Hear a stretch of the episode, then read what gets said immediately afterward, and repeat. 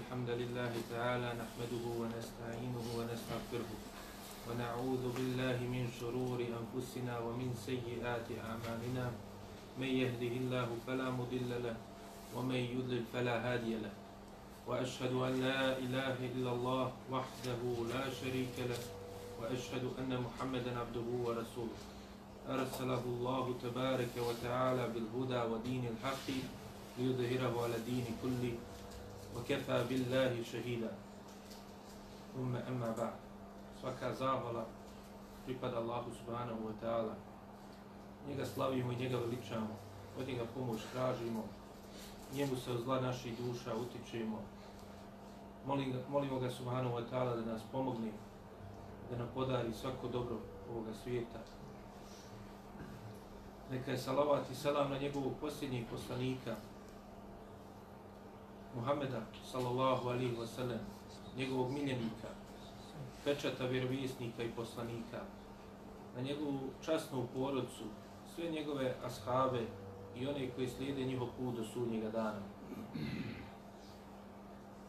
Kao što smo prošli put govorili, upoznali smo se sa dijelom života Allahovog poslanika, sallallahu alihi wa sallam, prije poslanstva.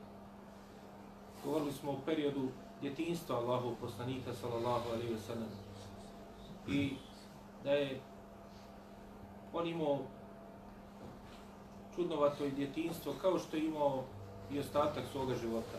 I sve ono što ga okruživalo, ukazivalo je na veličanstvenost osobe o kojoj se govori i ukazivalo je na veličanstvenost misije koju će imati u svome životu.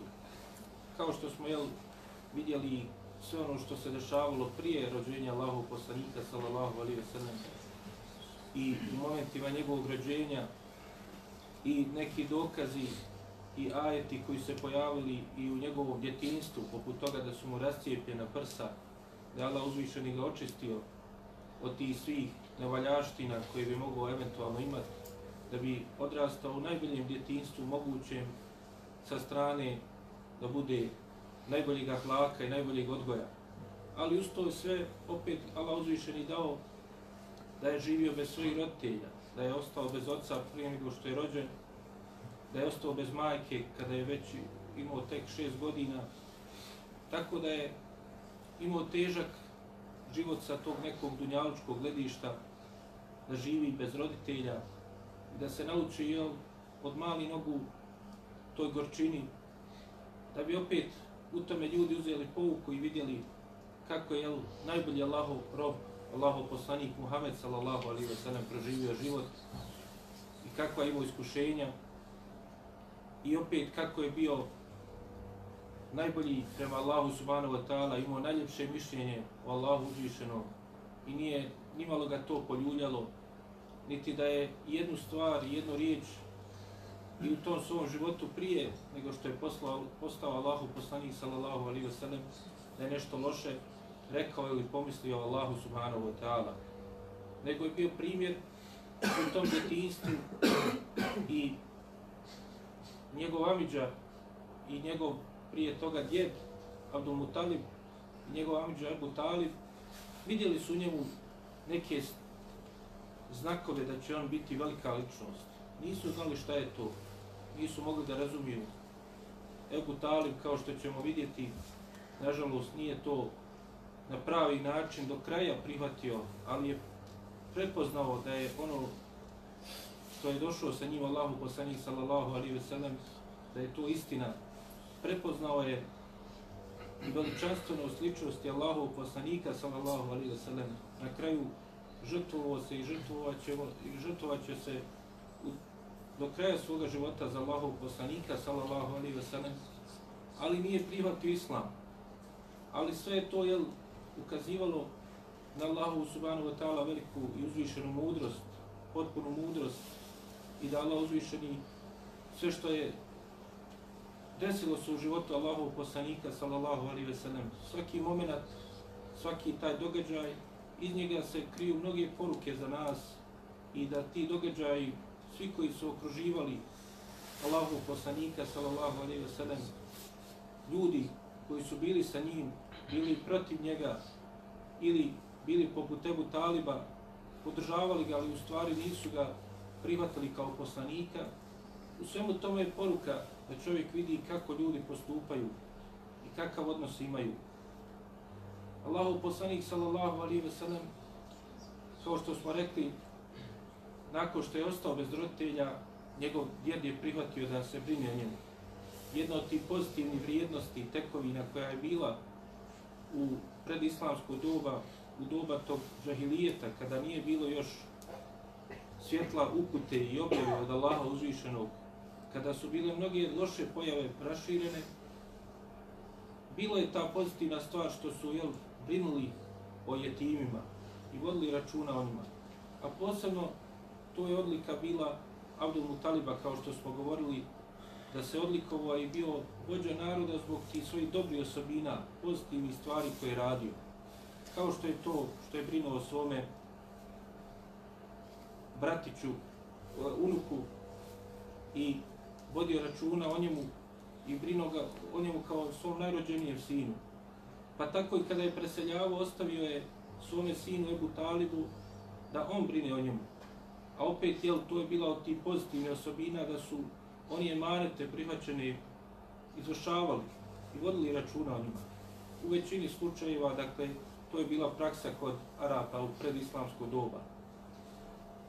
Ebu Talib prihvatio je tu zadaću i to što mu je njegov babo Abdul Mutalib ostavio da o svome E, bratiću vodi računa i da ga odgaja od mali nogu i da troši metak na njega, da ga izdržava. A Ebu Talib nije bio čovjek koji imao dosta imetka.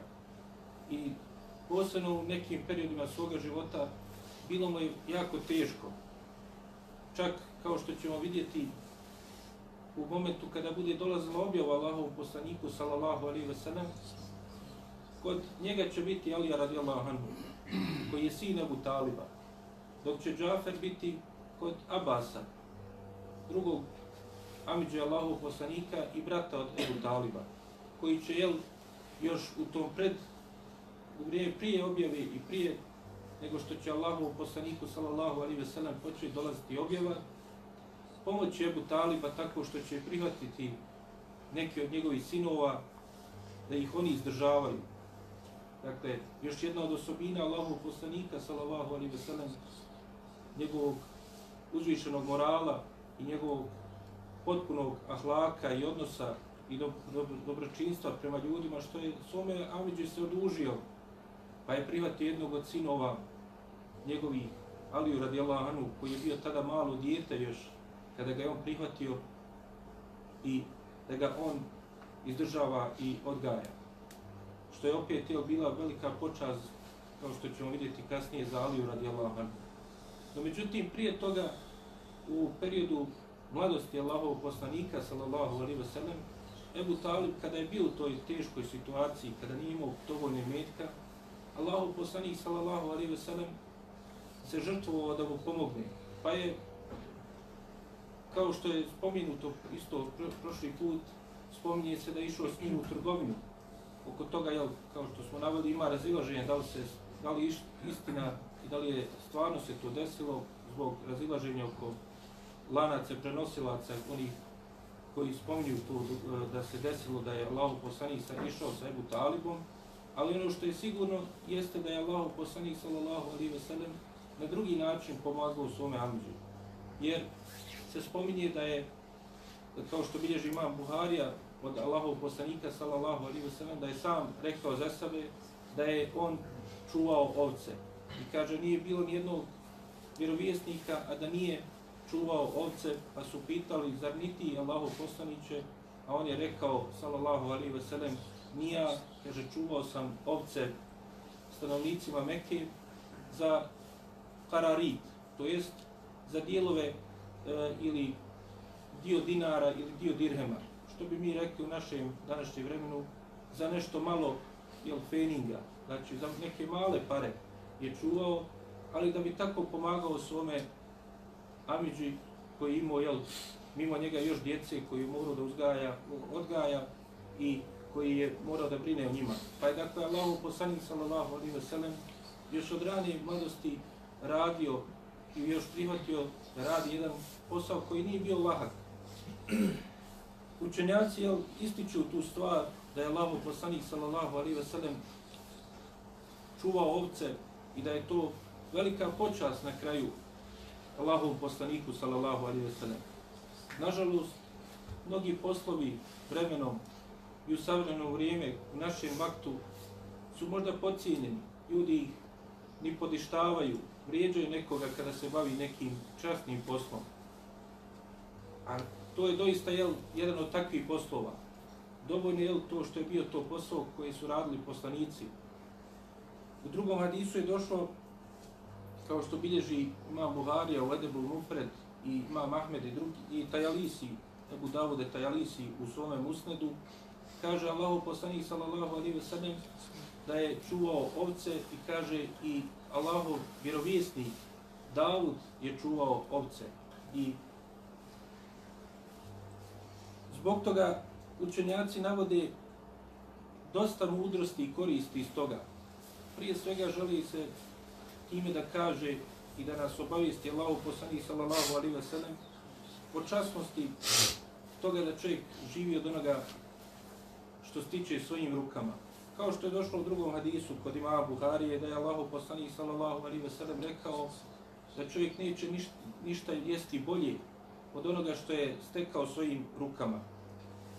I kao što je ovdje došlo isto u ovom hadisu, onda je naveo poslanik sallallahu alaihi ve sellem i kaže i Allahov vjerovjesnik Davud je jeo od rada svojih ruku. U trećem hadisu spominje isto da su i Musa i Isa, alaihi i e, da su i oni čuvali e, ovce. Dakle, Allahu poslanik sallallahu alaihi ve sellem ne samo da je rekao da su vjerovjesnici to radili, nego je navodio njihova imena, poput Musa, ali i Salam, poput Dauda. Pa kažu učenjaci, u tome su velike mudrosti. Jer prvo to što su oni živjeli od rada ruku svojim. Pa kaže se, zašto je Allahu poslanik sallallahu alejhi ve sellem naveo ovde Davud alaihi selam nakon što je naveo da je najbolje što će čovjek jesti ono što zaradi od rada ruku svojih kaže zato što Davud Ali selam je bio u to vrijeme kao što nas i Kur'an tome obavještava bio halifa na zemlji znači bio je vladar nije imao potrebu da radi ali Davud Ali selam kao Allaho poslanik i vjerovjesnik želio je da živi od onoga što je najbolje i da se hrani onim što je najbolje, što je naj, najhalalnije, najpoštenije zarađeno. I zbog toga je, jel, nije želio da uzima imeta kao vladar, nego je radio i privređivo. I to takim poslom da je čuvao čak i ovce. Također, je učenjaci iz toga izvlače i poruku kako je, kako, koliko je važno i kako je Allahu poslanik sallallahu alaihi ve sellem kada je dokazivao nešto, to uvijek argumentovano dokazivao. Navodio je primjere da bi ljudi znali i bolje razumeli te stvari. Kao što je ovdje jel, naveo primjer Daud alaihi da bi potvrdio koliko je važno i koliko je to e, potrebno u životu jednog vjernika. Dakle, da se trudi da on stekne svoju nafaku.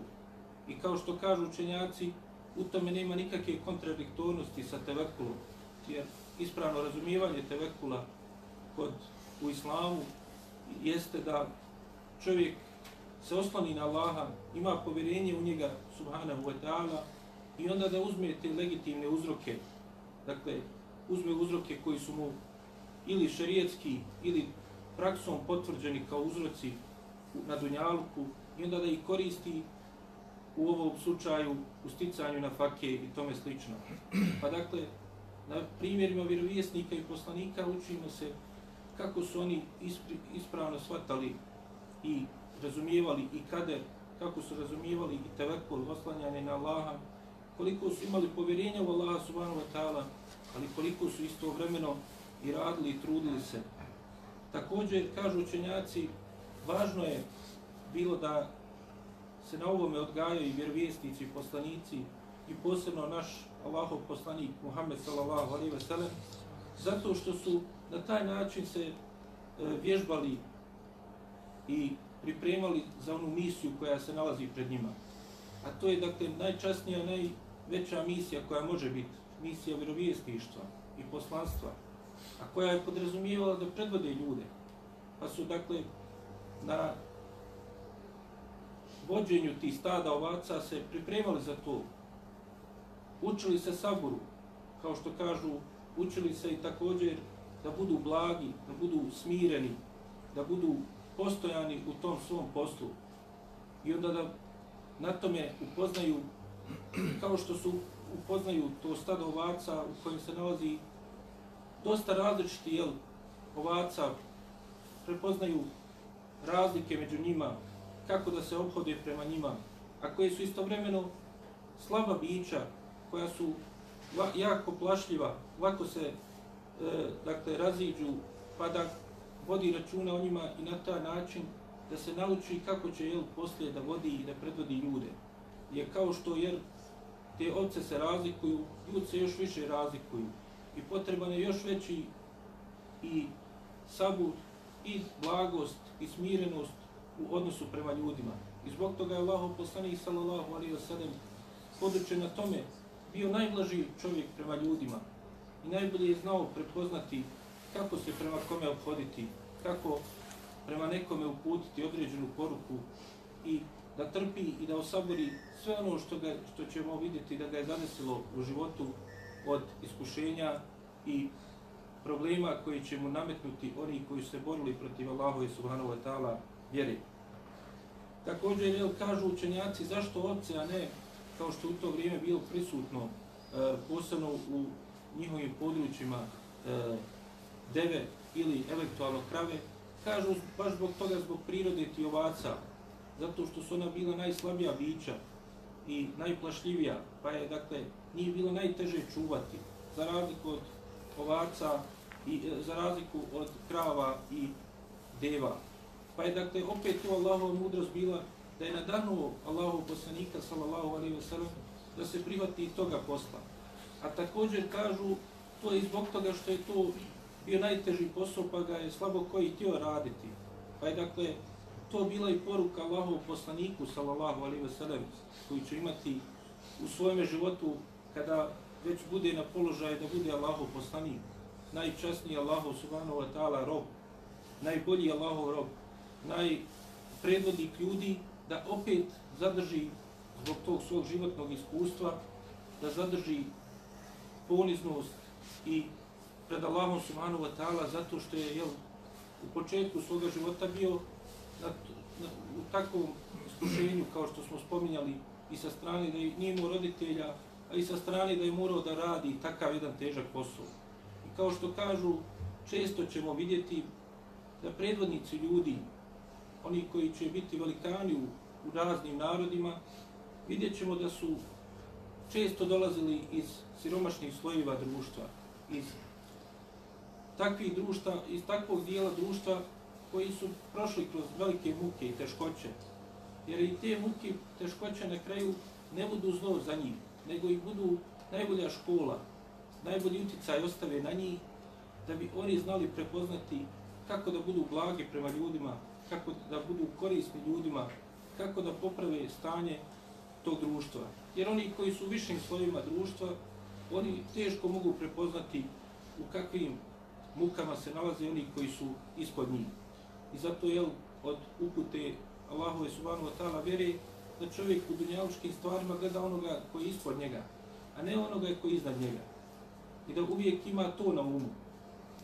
I također u tome je poruka koliko na čovjeka ostavljaju njegova iskustva, koliko ostavljaju uticaje na njega, koliko mijenjaju njegovu prirodu i njegov odnos prema drugima, sve ono kroz što pre, prođe. Pa je tako Allahu poslanik sallallahu alaihi wa sallam, iako je bio najdobraniji Allahov rob, iako je Allah uzvišeni, svojim kaderom još odredio da će on biti pečat vjerovijesnika i poslanika, mudrosti Allahova uzvišena bila, da ga pošalje i na to mjesto kao što smo spominjali u Meku, na to najčasnije mjesto, ali također da prođe takav život da bi se pripremio za misiju koja se nalazi pred njim i da bi ljudi iz toga vidjeli da je on bio samo jedan od ljudi koji je u sve to što ga je okruživalo opet izrastao da bude najbolji čovjek i dokazao to svojim djelima i svojim ponašanjem. Nakon toga, Allahu poslanik sallallahu alaihi wasallam spominje se da u njegovom tom ranom periodu mladosti u to što se bavio tim poslom i što dakle nije imao uživanje kao što su imali neki iz bogatih porodica. Također zadesilo se da je u njegovom tom ranom periodu mladosti, spominju neki učenjaci da je imao 15 godina, da se desio veliki rat među arapskim plemenima. Allahu poslanik sallallahu alaihi ve sellem nije učestvovao u tim ratovima. Iako neki navodi da je učestvovao u ratu koji će se zvati rat El Fidjar, koji je nazvan zato e, tim nazivom zato što je se desio u svetim mjesecima. Što je bio jel, praksa Arapa da u tim mjesecima se ne, ne ratuje i da se garantuje sigurnost onima koji bi u tom tim mjesecima išli nekim putevima ili posjećivali neka mjesta. Spominje se da je to bio mjesec Zulkade, Allah najbolje zna, ali dakle, zbog toga je nazvan kao Fidžar zato što su i sami ti predislamski Arapi znali da je to što su radili, da je to bilo nemoralno, loše. Fidžar u smislu je nemoralno i, i loš postupak. I zbog toga su ga i nazvali tako. Kada je došlo do sukoba između plemena Kuriš i ostali od plemena e, Kinane sa plemenima iz Mudara, Kais i ostalim plemenima, kada se su oko nekih razmirica koji se desili između pripadnika njihovih plemena, to jest između, zbog pristrasnosti koju su osjećali prema svojim plemenima, zbog, da kažemo, nacionalizma koji je bio među njima. Pa je, dakle, najbolji od, najgori od našeg plemena, bolji od najbolji od, iz vašeg plemena. I spremni smo da ga čuvamo i da ga branimo, pa makar on činio nepravdu. Dakle, pristrasnost koja je dovodila često i do sukoba. I uz neke te od pozitivne osobina, to je bila jedna od najgorih loših osobina koji su imali. Ali koji su oni počeli da prepoznaju kao lošu osobinu. Allahu poslanik sallallahu alaihi wa sallam, jel, kao mladić je mogao to da vidi i da svjedoči tome dok čega dovodi ta pristrasnost, do čega dovodi to zlo nacionalizma među ljudima, dijeljenja i cijepljanja po tom porijeklu i tome slično. Ali onda je Allahu poslanik sallallahu alaihi wa sallam nakon toga imao priliku da opet je u toj svojoj ranom periodu života da prisustuje drugom velikom događaju koji se desio i koji je jedna od pozitivnih tekovina koji su ostavili pred islamski Arapi. A to je bio dogovor i sporazum o dostojanstvu, to jest Helful Fudul.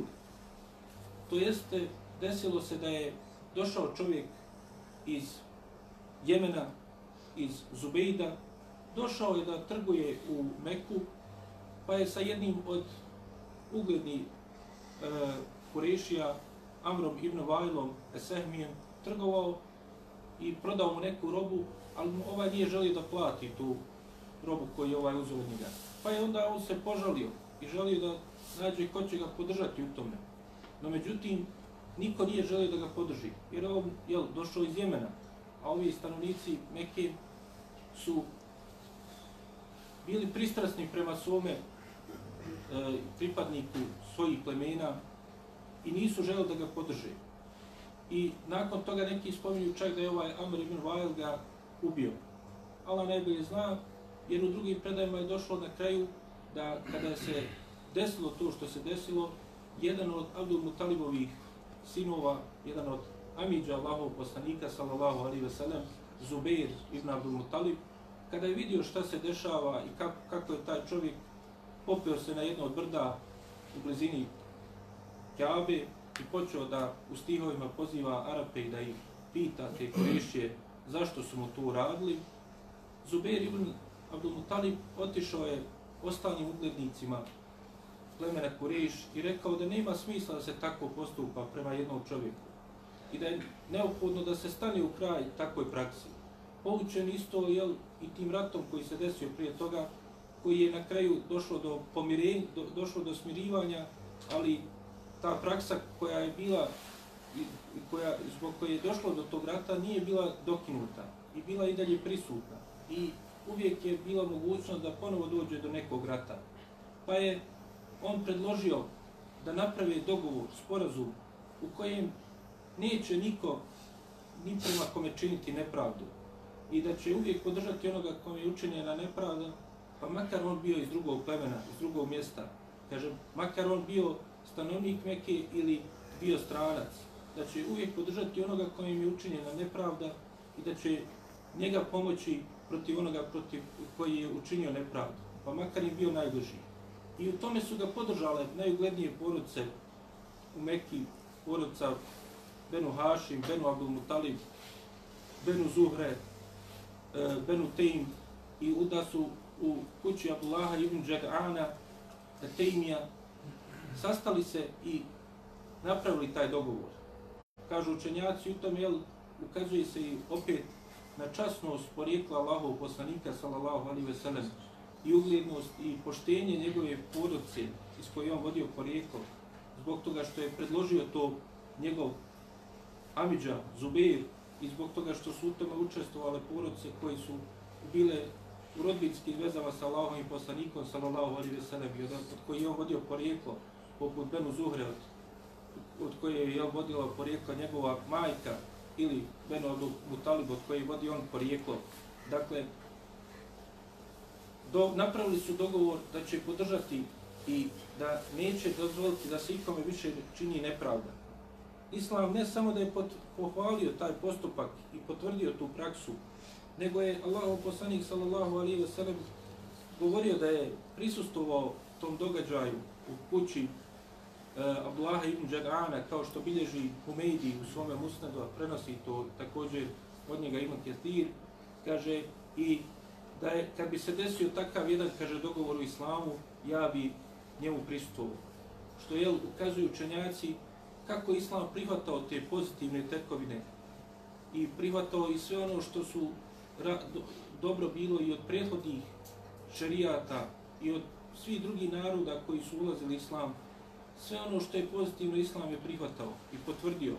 Odbacivano je samo ono što je loše bilo za ljude, što je bilo dokidano zato što nije bilo potreba eventualno za tim. Pa kao što je vidjeli smo na prethodnom primjeru Allahu poslanik sallallahu alejhi ve sellem na primjer Davud alejhi selam i potvrdio njegovu praksu. I ovdje je također potvrdio i rekao da je to bio veliki dogovor i častan dogovor. Kažu zašto se zvao Hilfur Fudur ili sporazum Fudur. Kažu neki zato što je to sporazum pristovalo dosta ljudi koji se zvali Fadl.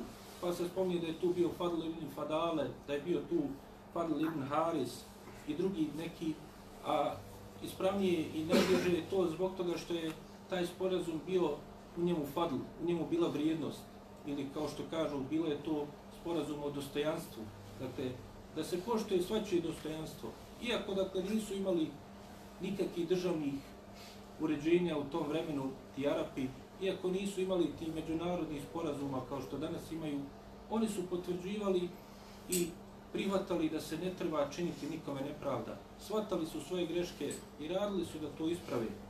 I zbog toga je Allahu poslanik sallallahu alaihi ve sellem pohvalio nakon što je došlo u poslanstvo, pohvalio taj događaj i sjećao se tog događaja. Ostavio je na njega uticaj. I želio je i on također da radi na takvom nečemu. Da radi na činjenju dobra svim ljudima. Pa i onima jel, koji prihvate islam i onima koji ne prihvate islam. Islam je došao sa pravdom prema svim tim ljudima. Nakon toga, Allahu poslanik sallallahu alaihi wasallam, nakon što je e, prestao da čuva ovce, bavio se trgovinom, pa je postao poznat kao uspješan trgovac. Meka je bila na takvoj poziciji zbog toga što je tu bila Kaaba, što su često ljudi dolazili radi hađa ili umre, radi posjete Kaabi, dosta je dakle ljudi dolazilo i bila je velika potreba za trgovinom, za razmenom roba. I onda su Mekelije, stanovnici Mekke, postali prepoznatljivi po tome. Allahu poslanik sallallahu alejhi ve sellem u tom jel dunjalučkom poslu poslu u kojem je velik ulogu imao jeli metak, a bilo dosta mogućnosti da se nekoga prevari ili na drugi način učini nepravda, postoje prepoznati po tome što je bio pošten, što je bio iskren i također što mu je Allah uzvišen i zbog toga svega dao veliki bereket u njegovoj trgovini i veliki uspjeh u njegovoj trgovini. Pa je zbog toga jedna od časnih žena u Mekki, koja je važila za najčasniju ženu u Mekki i važila za i bila poznata kao čestita i čedna žena, a bila je udovica uh, Hadidža radijallahu anha i bila je veliki trgovac u to vrijeme, imala veliki imetak, pa je, dakle, ona znala bi angažovati trgovce koji će za nju da obavljaju trgovinu. Ili da idu u Šam ili u Jemen, gdje su išli Arapi da vrše razvinu roba i da nabavljaju robu za one potrebe koji su imali u Mekki. Pa je ona čuva od svoga sluge Mejsere da je Allahov poslanik Muhammed sallallahu alaihi ve sellem uspješan trgovac. A s druge strane Abu Talib također opet imao je potrebu da ga Allahov poslanik sallallahu alaihi ve sellem učesto je s njim i pomogne u obskrbi i radu za potrebe njihove porodice. Pa je Ebu Talib predložio, a Mejser je isto također predložio Hatidju radijallahu ana da angažuje Allahov poslanika Muhameda sallallahu alaihi ve sellem da ode i da trguje za nju u Šam. Pa kaže se da je onda ona predložila i poslala tog svog slugu Mejseru Allahovom poslaniku sallallahu alaihi ve sellem da obavi trgovinu za nju u Šamu, u mjestu Busra i da će mu dati duplo više nego što je davala drugim trgovicima, ako je on doista takav kakav oni njega opisuju. Pa je Allahov poslanik sallallahu alaihi veselem otišao u trgovinu sa njenom robom. Postoje više detalja koji se spominju po pitanju tog putovanja Allahovog poslanika sallallahu alaihi ve sellem, no međutim nema dosta vjerodostojnih predaja koji objašnjavaju detalje te koji se spominju. Da je poslanik sallallahu alaihi ve sellem, opet sreo nekog od e, sveštenika koji su prepoznali da je on Allahov poslanik i tome slično, da je sjeo na neki panj na koji, e, kada je ta vidio sveštenik, da je sjeo na njega i kada ga je pogledao, rekao na ovaj panj nisu sjeli osim vjerovjesnici i poslanici. I da, nažalost, i danas dan e, u Šamu, današnjoj Siriji, postoji u tom gradu Busra taj panj gdje, nažalost, ljudi dolaze čak, jel, smatrajući da je on ima neku posebnost, dolaze i traže bereket, uzimaju od njega. No, međutim, same predaje koje govore o tome nisu vjerodostojni, Čak nisu zabilježeni sa senedima, e, dakle, nemaju uopšte seneda, nemaju lanaca, prenosilaca da bi mogli ocijeniti da li su vjerodostojni. Dakle, nema ništa vjerodostojno preneseno, niti ima išta slabim lancima preneseno po pitanju toga. Ono što je vjerodostojno i što je preneseno nama jeste da je Allah poslanik sallallahu alaihi wa sallam potvrdio to što su mislili o njemu. I Allah uzvišen je dao veliki bereket mu u trgovini i da se vratio sa velikom zaradom sa tom robom koju ga je poslala Hatidža radijallahu anha. I Mejser je pričao Hatidži o tom njihovom putovanju i obavijestio je kako je on bio e, uspješan u svojoj trgovini, ali istovremeno bio dobar prema drugima, pošten, kako je bio e, povjerljiv u svojoj misiji koju obavljao i u tom poslu koji je obavljao i da je na najbolji način to izvršio iskreno i ne činjeći nikome nikakav oblik nepravde. A opet je ostvario veliku zaradu. Kada je Hatidža radijela Anuha čula i, i poslušala to što imao Mesere reći o, njo, o Allahom poslaniku Muhammedu sallallahu alaihi wa sallam, kod nje je to probudilo osjećanje prema njemu i e, prepoznala da je to istovremeno i velika ličnost, ali počelo se jel, buditi osjećanja prema njemu kao muškarcu. Ispričala je to svojoj prijateljici Nefisi, kako je jel, Allahov poslanik sallallahu alaihi ve sellem časno obavio svoju misiju i dala naznake da joj se on sviđa. Ova je, kada je to čula i kada je razumila tu njenu poruku, otišla je i poslala oni koji će obavijesti Allahu poslanika sallallahu alejhi ve sellem i pitat ga a on je jel, tad imao 25 godina i nije bio ženjen, da ne bi bilo loše da ode i da prosi Hatidžu radi Allahana. A ona je bila, kao što smo spomenuli, najčasnija i naj, jedna od najuglednijih žena u Mekki. Zbog toga što je bila poznata i prepoznatljiva po svojoj čestitosti, čestitosti i svojoj čednosti i poštenju i časti. I mnogi su je željeli da, da je prosili i želili da je oženi. No međutim, ona se nije htjela udati nakon što je postala udovica i posvjetila se svome poslu i trgovini. No međutim, jel Allahu poslanik sallallahu alaihi wasallam, kada je čuo ovo od njene prijateljice, kada je dobio tu obavijest, onda je otišao da priča sa svojim Amidžom Ebu Talibom i da pita njega za svoje mišljenje, za njegovo mišljenje po tom pitanju. Pa ga je njegov Amidža podržao i e, u toj namjeri da ode da prosi Hatidžu radi Allah anha. Pa je Allahu poslanik sallallahu alaihi ve sellem onda odlučio da zaprosi Hatidžu radijallahu anha. Kaže se da je poslao svoga Amidžu Ebu Taliba i svog drugog Amidžu e, Hamzu da odu da prose Hatidžu radijallahu anha. Pošto je njen otac Huveilid, a ona je Katidža, kćerka Huveilida, e, bio već preselio, oni su otišli kod Amra ibn Eseda, koji je bio njen amiđa, da prose ruku Katidže radi Allahana. Naravno, ona je prihvatila i oni su prihvatili tu prositbu, pa je Allahu poslanih sallallahu alaihi ve sellem kao svoju, svoju prvu suprugu uzeo Katidžu radi Allahana. Ona je jel, jedna od najboljih žena koji su bile i u Mekiji, a i općenito u istoriji čovječanstva. I po svom porijeklu i po svom ponašanju bila je dostojna Allahov poslanika sallallahu alaihi wasallam. Kada je nju oženio Allahov poslanik sallallahu alaihi wasallam, spominje se da je e, imao 25 godina Allahov poslanik, a poznato je mišljenje da je Hatidža tada imala 40 godina. I to je ono što je, se najčešće spominje. No međutim, o tom pitanju ima veliko razilaženje i neki navode da je u stvari Hatidža imala 25 godina, a treći opet navode da imala 28 godina, kao što Ibn Asakir prenosi od Ibn Abasa i neki drugi učenjaci. I Allah najbolje zna, savremeni učenjaci kažu nakon istraživanja da je to najbliže, da je eh, Hatidža radijallahu anha imala 28 godina kada se udala za Allahu poslanika sallallahu alaihi ve sellem. I posebno zbog činjenice da je ona ta koja će mu roditi svu djecu osim Ibrahima, Dakle, ona će mu roditi dva sina i rodit će mu četiri čerke. Sve će se oni roditi u Meki e, još u to periodu prije nego što će Allahu poslanik sallallahu alaihi ve sellem postati e, i doći mu objava. Prvi koji će se roditi Allahu poslaniku sallallahu alaihi wa sellem bit će Kasim. I on će preseliti još kao vrlo mali. Dakle, neće imati ni dvije godine kada će preseliti.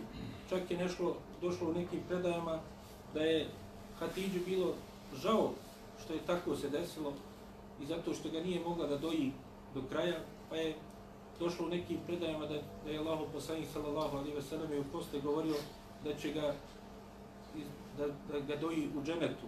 Allah najbolje zna da li su vjerodostojne i bliže da nisu vjerodostojne te predaje, ali u svakom slučaju i Kasim i drugi Allahov, eh, Allahov poslanika, sallallahu alaihi ve sellem, sin Abdullah, su preselili kao vrlo mali.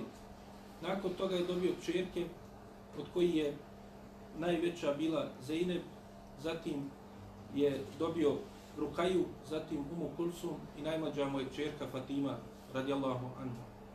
Dakle, to su djeca Allahov poslanika, sallallahu alaihi ve sellem, od Hatidže.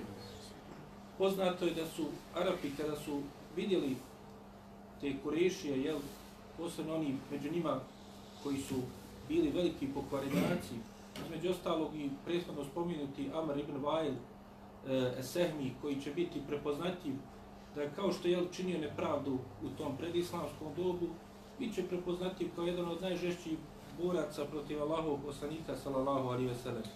Pa je ismijavao se sa njim i govorio mu da Allahov poslanik sallallahu alejhi ve sellem da mu da, da neće mu ostati spomin, jer je prekinuto njegovo porijeklo, zato što su mu sinovi tako mali preselili. I govorio da će on biti jel epter, da mu neće ostati spomin. Zbog toga se jel kaže, došlo je i objavljen ajet u suri Kausar, inne šanijeke huval abtar. Kaže, oni koji tebe, koji su tvoji protivnici, njima neće ostati spomin. Neće im ostati dobar spomin. Allahom poslaniku sallallahu alaihi wa sallam, ostao je i ostaće najbolji spomin. I to što kažu učenjaci e, mudro što je Allahu poslanik sallallahu alaihi ve sellem ostao bez svojih sinova kao vrlo mali, dok su jel, bili još dojenčad i treći njegov sin Ibrahim isto je tako preselio, to je Allah, velika Allahova mudrost zbog toga da ne bi posle bilo smrti Allahov poslanika sallallahu alaihi ve sellem, a da ostanu iza njega sinovi, velike fitne o tome da ljudi eventualno počnu da ih previše veličaju i da dođe do razilaženja među ljudi po pitanju njegovih sinova, da neko bude pristrasan jednog od njegovih sinova ili da misli da su naslijedili poslanstvo od svoga babi Allahu poslanika Muhameda sallallahu alaihi ve sellem i tome slično. A svi znamo jel, kako su pokvarenjaci i neprijatelji Islama slučaj unuka Allahu poslanika sallallahu alaihi ve sellem Huseina radijallahu anhu iskoristili upravo da urade to, da naprave razne fitne, razne zavude, gradeći na tome da je on bio unuk Allahov poslanika sallallahu alaihi ve sellem. Pa dakle, opet je tu bila velika mudrost da se na taj način sačuva poslanstvo, a Allahov poslanik sallallahu alaihi ve sellem ništa nije izgubio time, jer on će te sinove imati na onome svijetu vječnosti u dženetu sa njim, dakle, bit će uz njega A također, jel, u tome je bila i mudrost da opet Allahov poslanik sallallahu alaihi ve sellem bude izložen i tom iskušenju. Kao što je jel, izgubio roditelje, izgubio je i svoju djecu kao vrlo male. Dakle, opet u tome je da Allahu poslanik sallallahu alaihi ve sellem i da ljudi vide da je Allahu poslanik Muhammed sallallahu alaihi ve sellem ušao jednu, jednu tako veliku kušnju i muku da je izgubio svoje sinove, a spomnjali smo koliko je to bilo važno, posebno među Arapima i zašto su jel, i na taj način čak pokušavali da uvrijede Allahov poslanika sallallahu alaihi ve sellem nakon što je postao Allahov poslanik. E, ovdje ćemo inšala zastati pa ćemo sljedeći put nastaviti sa ostatkom perioda i prvim naznakama da će Allahov poslanik sallallahu alaihi ve sellem Muhammed biti doista pečat vjerovijesnika i poslanika Molim Allah subhanahu wa ta'ala da nam oprosti naše grijehe. Molim ga subhanahu wa ta'ala da poveća nam ljubav prema Allahom poslaniku Muhammedu sallallahu alaihi wa sallam. Da nam se smiluje i kao što nas je ovdje okupio, da nas okupio žene. Amin. Subhanahu wa ta'ala.